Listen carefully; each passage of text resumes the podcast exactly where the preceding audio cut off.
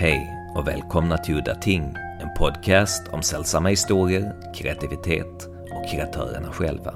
Mitt namn är Henrik Möller, musiken är skapad av Testbild och loggan till podden är gjord av Malmökonstnären Nalle Chinsky. I det här avsnittet ska det handla om den okulte filmregissören Kenneth Anger. Min ingång till Kenneth Anger var David Lynch som lär ha inspirerats av honom. Men först så upptäckte jag samtida Maya Darren och efter att ha sett hennes filmer så började jag också gräva i 40 och 50-talets experimentfilmer som inte så sällan inkorporerade det okulta. Då dök Kenneth Angers filmer upp och det visade sig att Martin Scorsese var en stor fan. Det var inte jag, jag föredrog faktiskt Maya Darrens drömska filmer med inslag av voodoo och däribland då Meshes of the Afternoon som jag tror har inspirerat Lynch i synnerhet Lost Highway men även Mulholland Drive och kanske även Inland Empire. Nej, Angers förvisso tekniskt banbrytande homoerotiska filmer med sina inslag av dåtida popmusik och med bikers och sjömän, det intresserade inte mig. Det var först när jag såg Lucifer Rising, en mardrömslik psykedelisk film, som jag fattade intresse för Anger. Och det är det vi ska prata om i dagens avsnitt. Till min hjälp har Kenneth Anger-experten Carl Abrahamsson, som eh, känner Anger sedan 1989. Han har skrivit en bok och nu senast gjort en dokumentärfilm om Anger. Filmen hade premiär i april 2019 och heter Cinemagician Conversations with Kenneth Anger, så nu ska jag lämna över bollen till Carl. När man pratar om anger så dyker ordet svår oftast ganska snabbt upp. Han verkar ju vara extremt narcissistisk och jobbig på massa olika sätt.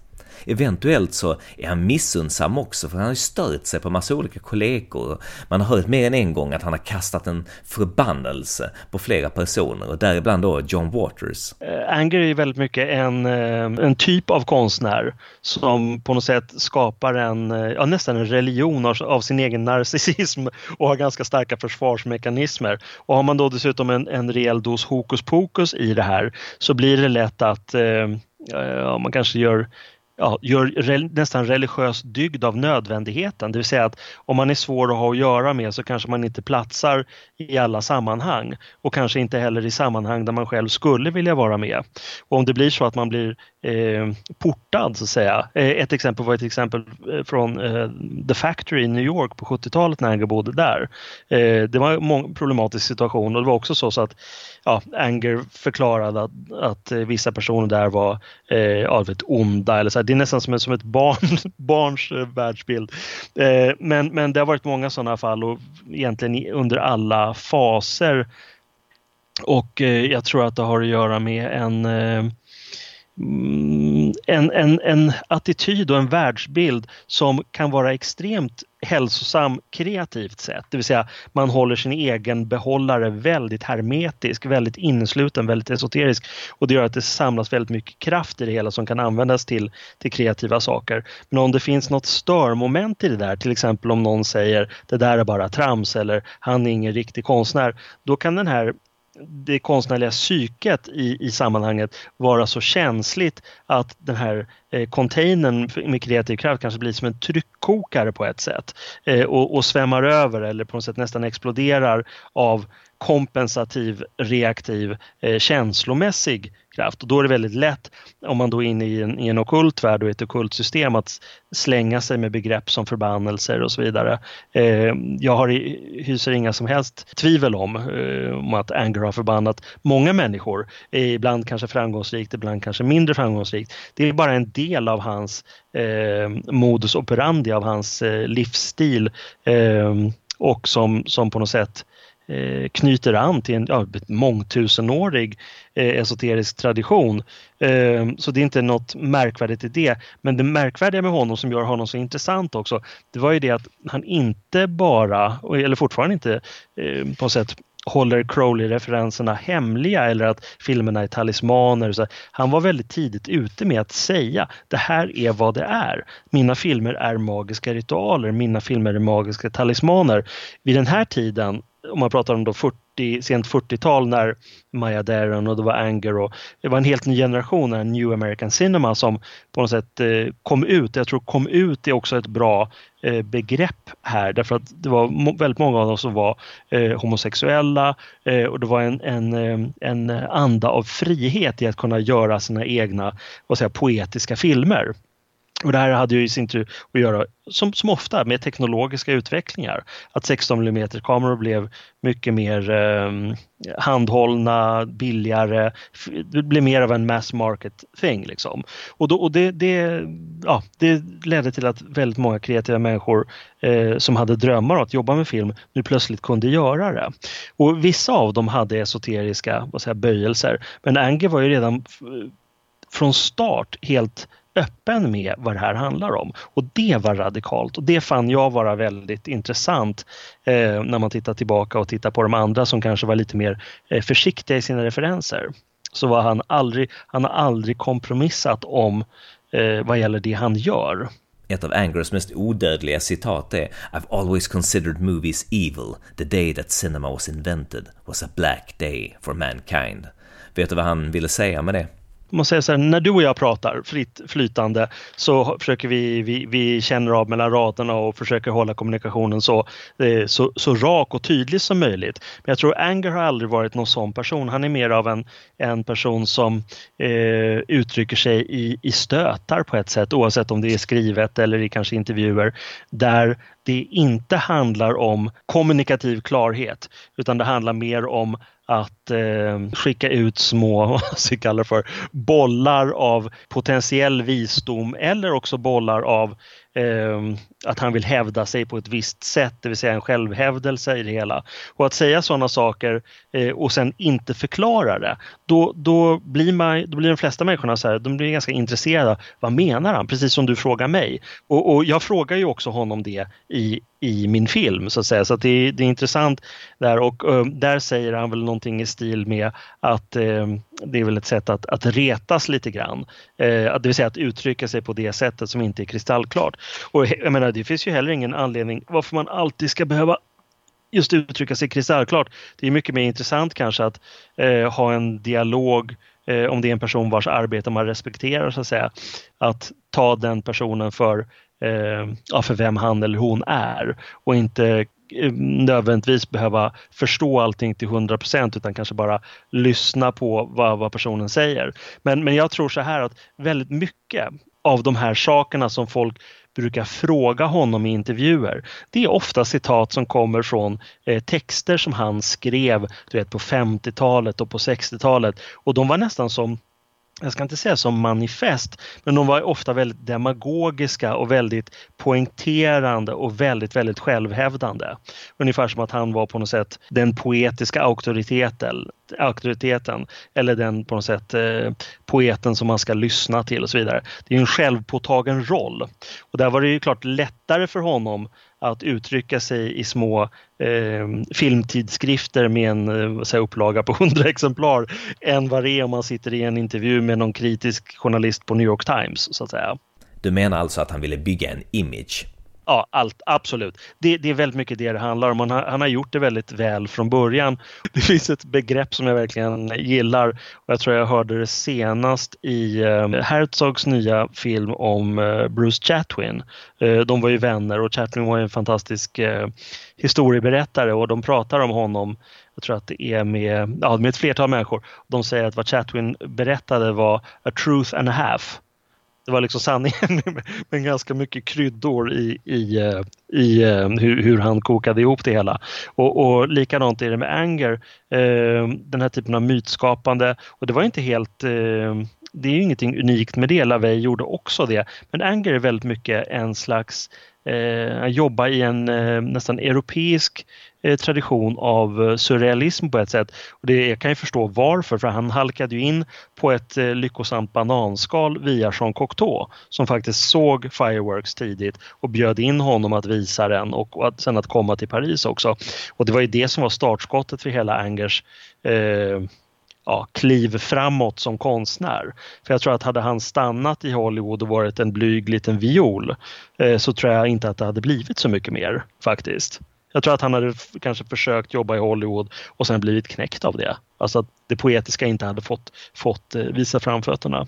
Du menar för hans egen personliga inspiration då snarare än kommersiellt? För jag tänker på den här balletten som han fick rättigheterna till av Cocteau och göra film av. Det, den unge mannen och döden tror jag den hette. Det fanns ju ingen budget till det ju.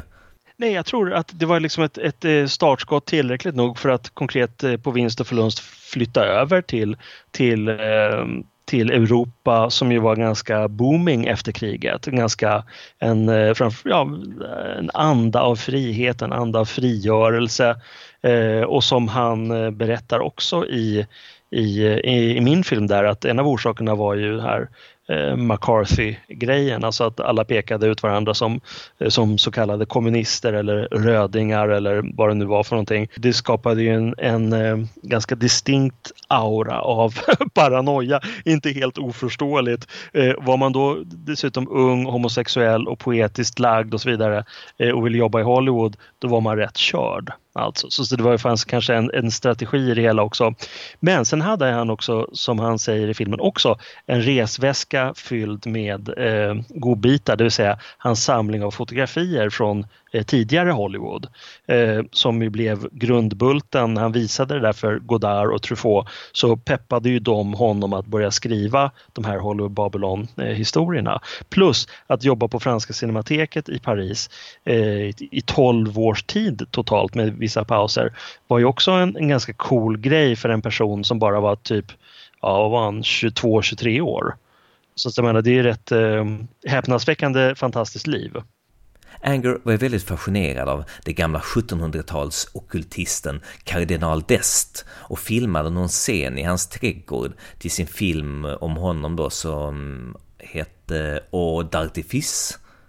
En miljö som finns att tillgå men som nu är på något sätt odödliggjord genom Angers film därför att det, man kan ju titta på den utsikt man har framför sig eh, och tycka att ja, det är banalt i Stockholm och ditt och datt, det ser så tråkigt och fult ut. Men, men har man en konstnärlig vision så kan man ta vilket hörn som helst och göra konst av det så att säga. Och jag tror att, att eh, i Angers fall så har det alltid varit som så att han har valt miljöer eller platser som har varit eh, användbara av eh, praktiska skäl eller ekonomiska skäl men också gärna någonting med eh, som har en substans i sig. Alltså det finns någon typ av eh, tankestoff eller tankegods eller filosofisk grund till varför han gör saker just här och framförallt kanske i Lucifer Rising där vid, vid pyramiderna i Egypten och Stonehenge och eh, Extenstein i Tyskland och riktiga kultplatser så att säga. Och filmen får ju naturligtvis mer liv och kraft av att eh, ha varit inspelad vid de ställena. Det är jag övertygad om. Nu tycker jag vi går rakt på sak, men den i alla fall i mitt tycke kronjuvelen i Angers filmografi, Lucifer Rising. Ja, men det, det är ju, eh, som säger kronjuvel, det är helt, en helt korrekt term eller magnum opus eller vad man nu vill kalla det för någonting. Men det var någonting som, som eh, surrade och växte sakteliga i Angers eh, huvud redan tidigt.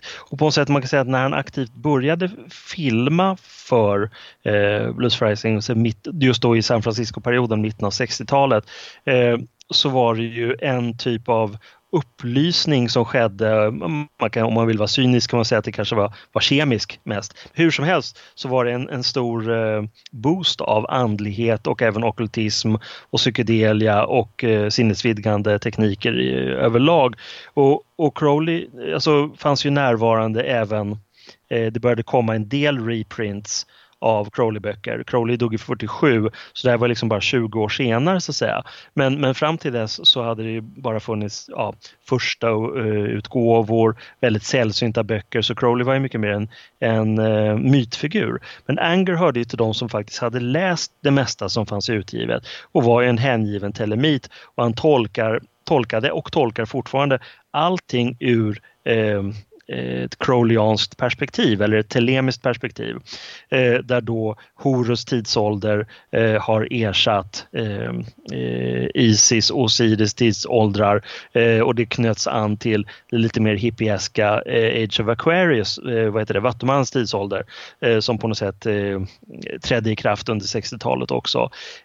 därför ville Anger göra en film som Lucifer Rising som egentligen handlar om eh, kanske inte så mycket om, om Lucifer, men om eh, Rahur Kuit som är eh, en gammal eh, egyptisk term, en egyptisk gudom som Crowley inkorporerade i sin eh, nyckeltext Lagens bok eller liberal.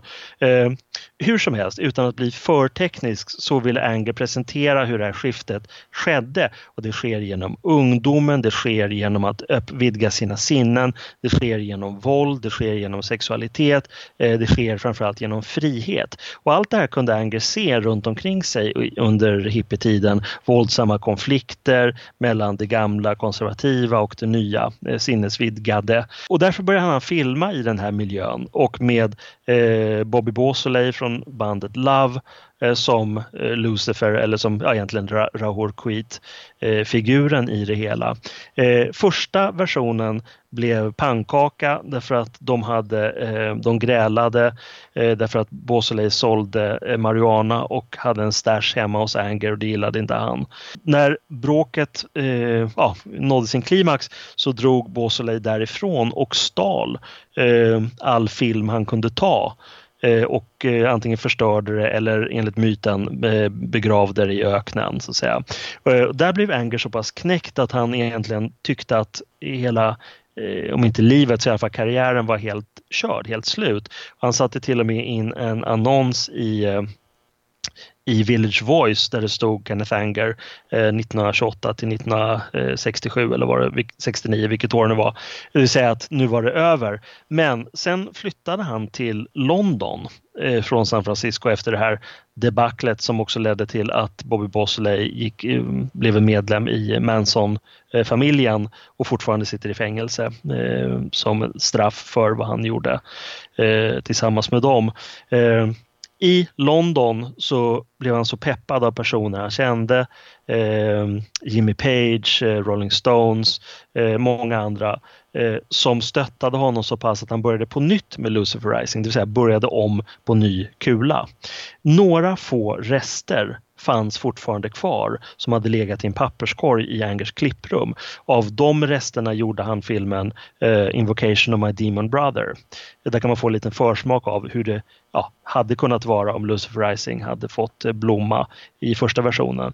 Men sen i alla fall, han lyckades få loss lite pengar, han hade bra stöd och folk som hjälpte honom filmade och filmade i England, i Egypten, i Tyskland Eh, och efter mycket om och men så blev det en version som var klar 1973 tror jag med musik av Jimmy Page. Eh, det var liksom ja, eh, den första versionen av den andra omgången Lucifer Rising. Fantastisk musik där Jimmy Page spelar på någon slags gitarrsynt, tidig gitarrsynt och tablas.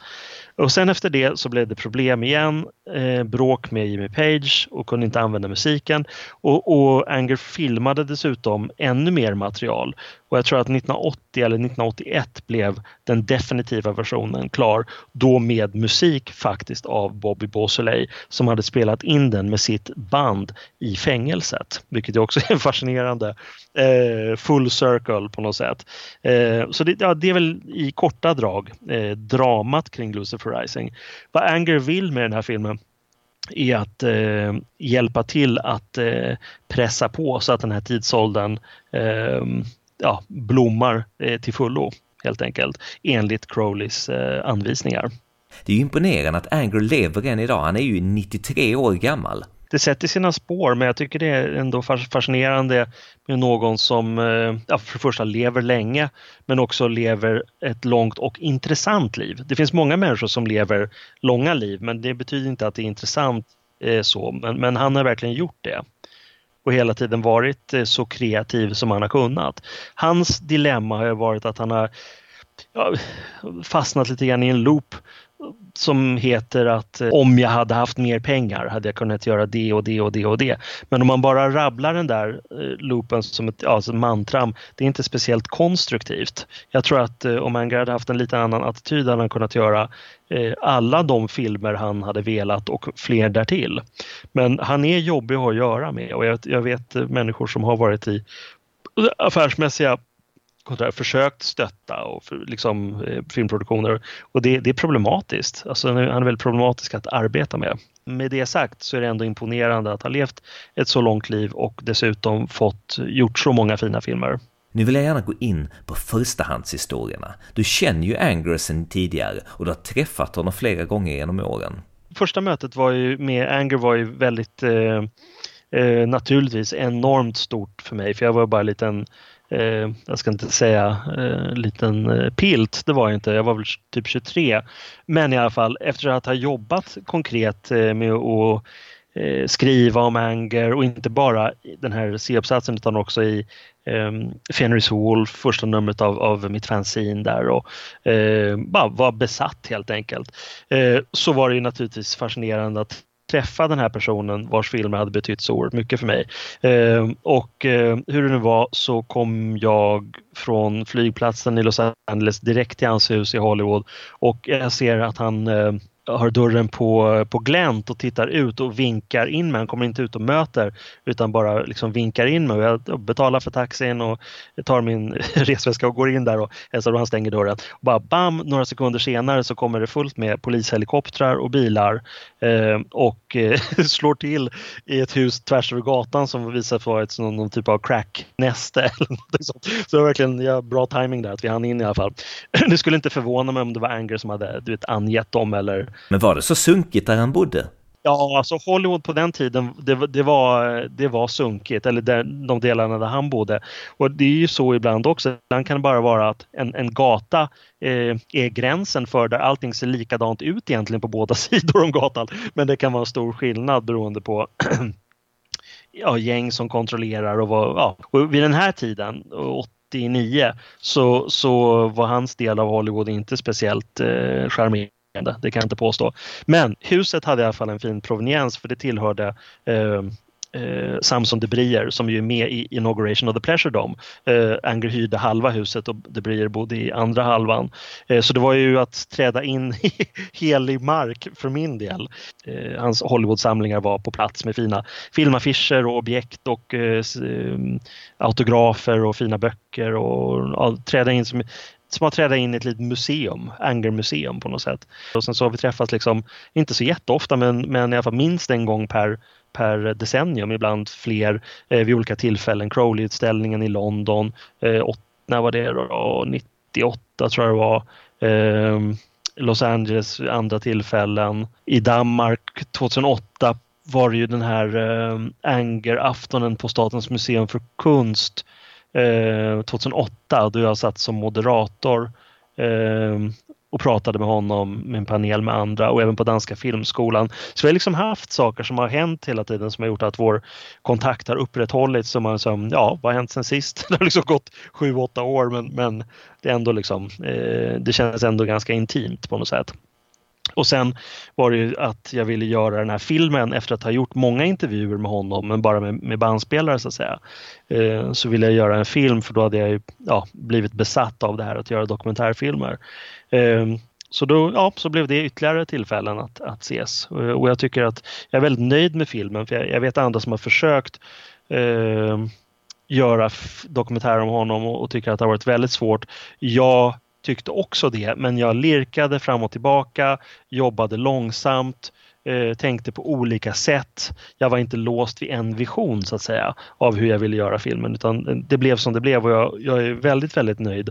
Därför att jag tycker att han får eh, tala till punkt, han får berätta sin version eh, och eh, ja, det, det, är liksom som ett, ett eh, porträtt av honom som inte är en biopic, men det är en, eh, hans egen berättelse ändå. Men hur lång tid tog dokumentären att spela in? Första vändan spelade in 2014 i, i Los Angeles eh, och eh, sista var hösten 2018. Så där, bara där var det en lång period på, på fyra år där han hade förändrats enormt mycket. Från att se, se normal ut till att se, bli den här gammel, gammelgubben. Så att säga. Men, men han är fortfarande, fortfarande vid god vigör och eh, ganska klar i knoppen. Det var några tillfällen som ja, han eh, upprepade samma svar fast på olika frågor. Det kan hända med folk som har blivit intervjuade mycket. Men, men eh, det är liksom här, ibland eh, har man när man gör dokumentärfilm så är vissa personer de är fullständigt problemfria. de förstår vad man är ute efter och de levererar det på ett klanderfritt sätt. Så att säga. Eh, Anger är mycket mer av en unik individ eh, som vill ha det på sitt sätt och därför måste man bara se till att få in så mycket material som möjligt så kan man sen i redigeringen pussla med det. Så säga. Och så, så blev det.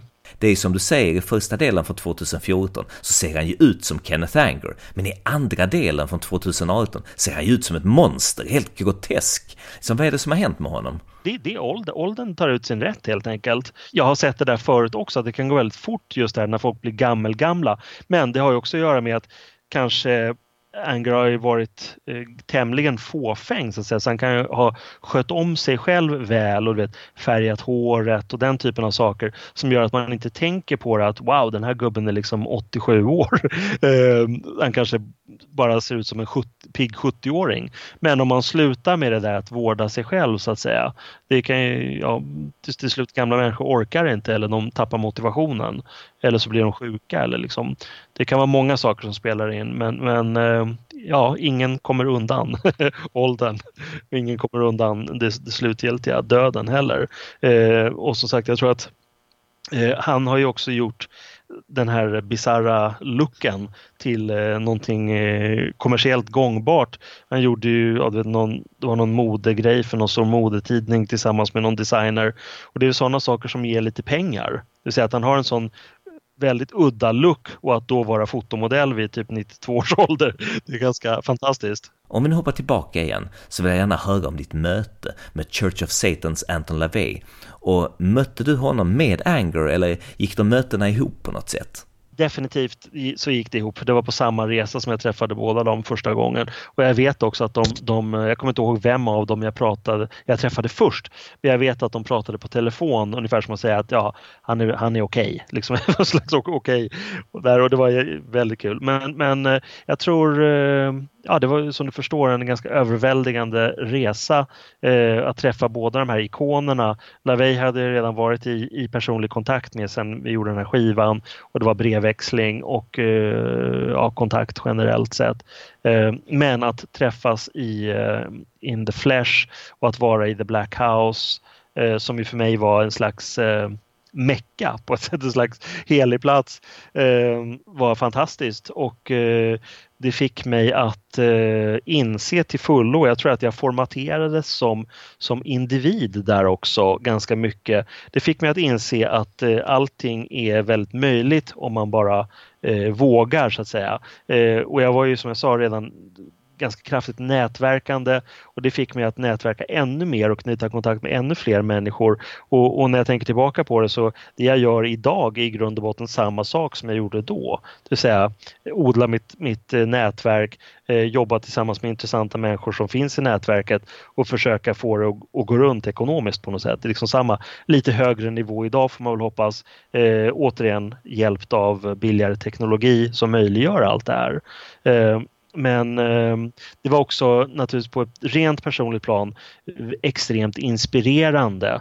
Eh, därför att Anger både som karaktär och som filmskapare eh, var någon person som jag verkligen såg upp till. Och LaVey var kanske lite mer av eh, en filosof eller den klassiska magikern på något sätt. Som också blev en, en eh, eh, i det här fallet blev mer av en inspirerande arketyp utan blev en, en personlig vän som, som ehm, lärde mig många saker. Inte som att sitta i skolbänken och lära sig, lära sig vad satanism är utan på, på, på mer subtila plan. så att säga. Eh, genom inspiration, genom att peka på saker och ting.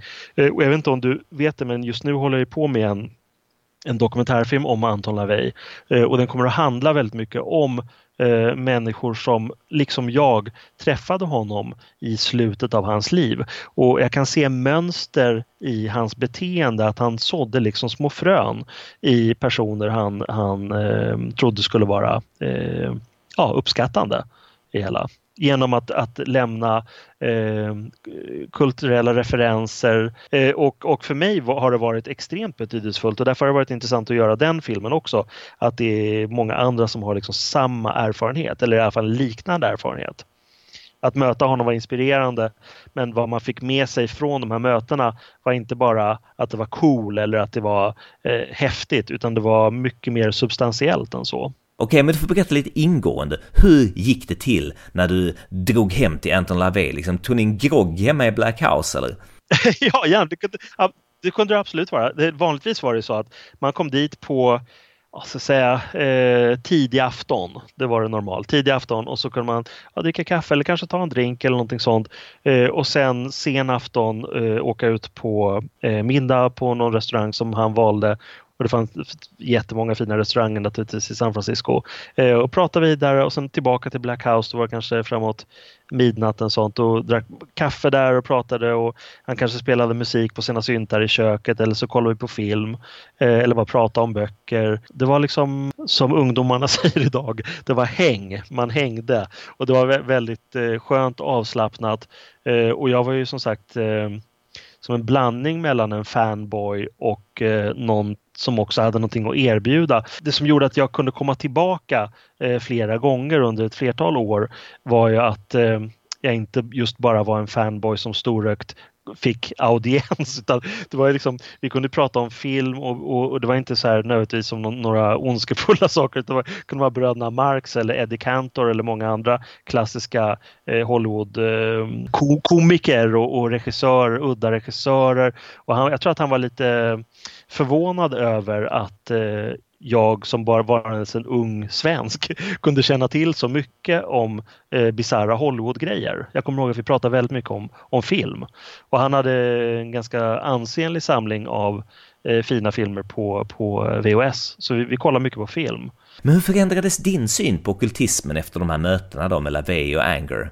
Eh, jag tror att det förändrade mig radikalt därför att eh, istället för att titta på eh, okultism eller magi eller hokus pokus eller vad man vill kalla det för som någonting isolerat, enskilt, ett fenomen som man ägnade sig åt ehm, ja, klockan eh, 22.30 på fredagar eh, så, så eh, var det så att de här personerna hade integrerat de här tankarna, filosofierna, ritualerna och allting sånt i en livsstil. Det var liksom att man anpassade sitt liv efter ett sätt att leva och tänka i vilket icke-konventionella tankebeteenden eh, var integrerat helt enkelt i en väldigt experimenterande gryta. Jag tror Anger, som jag kallar honom förut, för religiös. Vad jag menar med det är att han var ganska slaviskt troende eller är fortfarande kanske eh, Crowleys system. Jag upplever inte att Anger har plockat in någonting annat på ett slags experimenterande eller pragmatiskt sätt.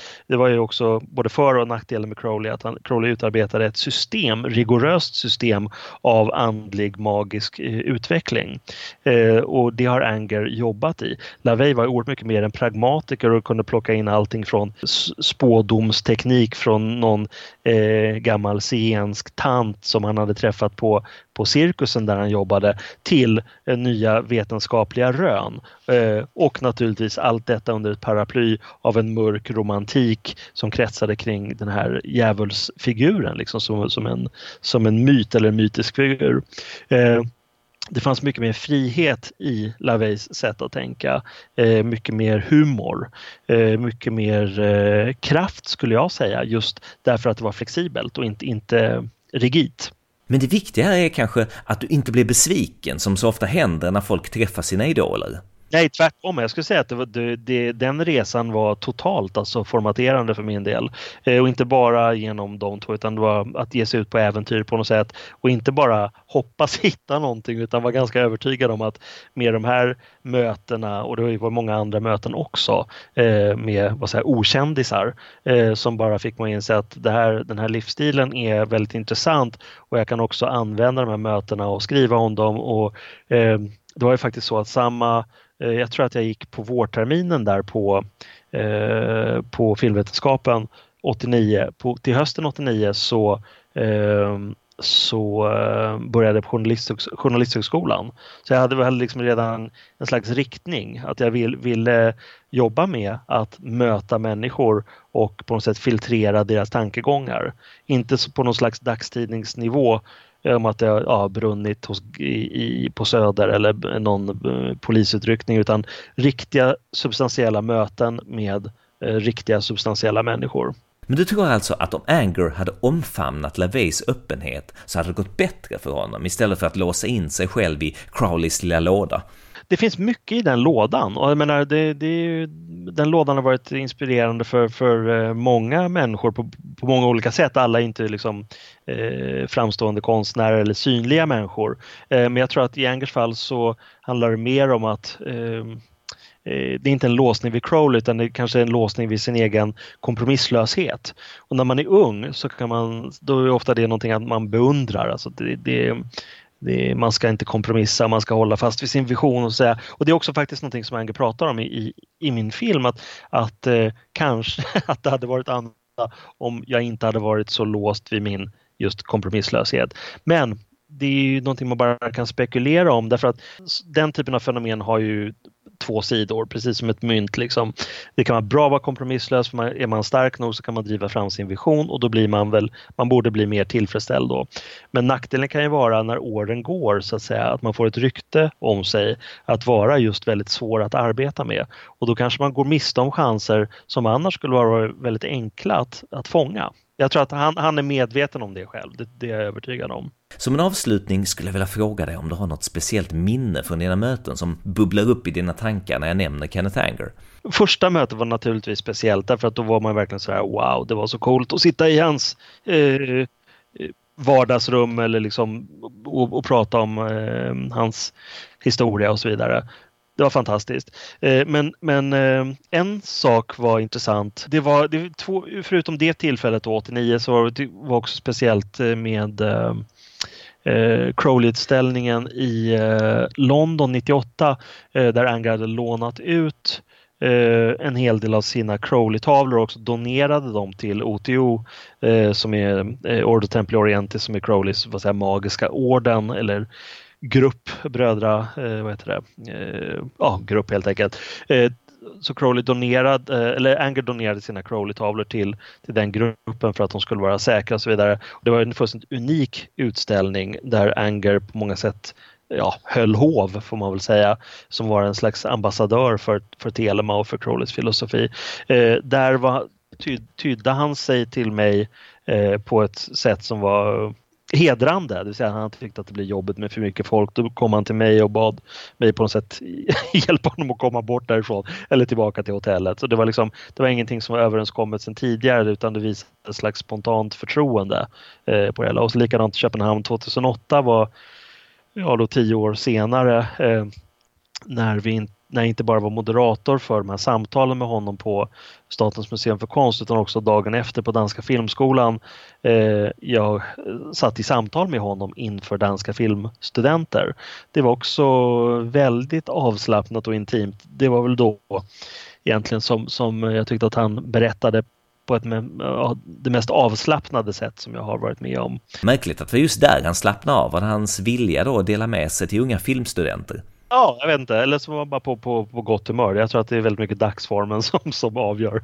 Sen så måste vi promota din dokumentär om Anger för lyssnarna. Och jag tycker att den är väldigt bra, men du kanske ska berätta lite om varför man bör se den? Jag, jag, jag skulle rekommendera att folk kollar på filmen om de är intresserade av Anger. För att det finns bara ett fåtal. Det finns en dokumentär från 1972 som ligger ut på någon dålig kopia eh, på Youtube med tyska texter eller eh, jag kommer inte ens ihåg vad det var. Och sen finns det en, en uh, italiensk dokumentär uh, från 2006 tror jag som finns med också som extra material på, uh, på, någon, på DVD-utgåvan. Men jag tycker ändå att min film ger mer kött på benen än vad de filmerna gör. Eh, därför att den är gjord i slutet av hans liv så att säga. Så att det är han, Anger själv som blickar tillbaka och det är med en blandning av eh, nostalgi, lite vemod kanske, men också väldigt mycket stolthet över det han har gjort. Och det är med, med all rätta tycker jag. Ja, och med de orden så var det slut för den här gången. Mitt namn är Henrik Möller, musiken är skapad av Testbild. Hej då!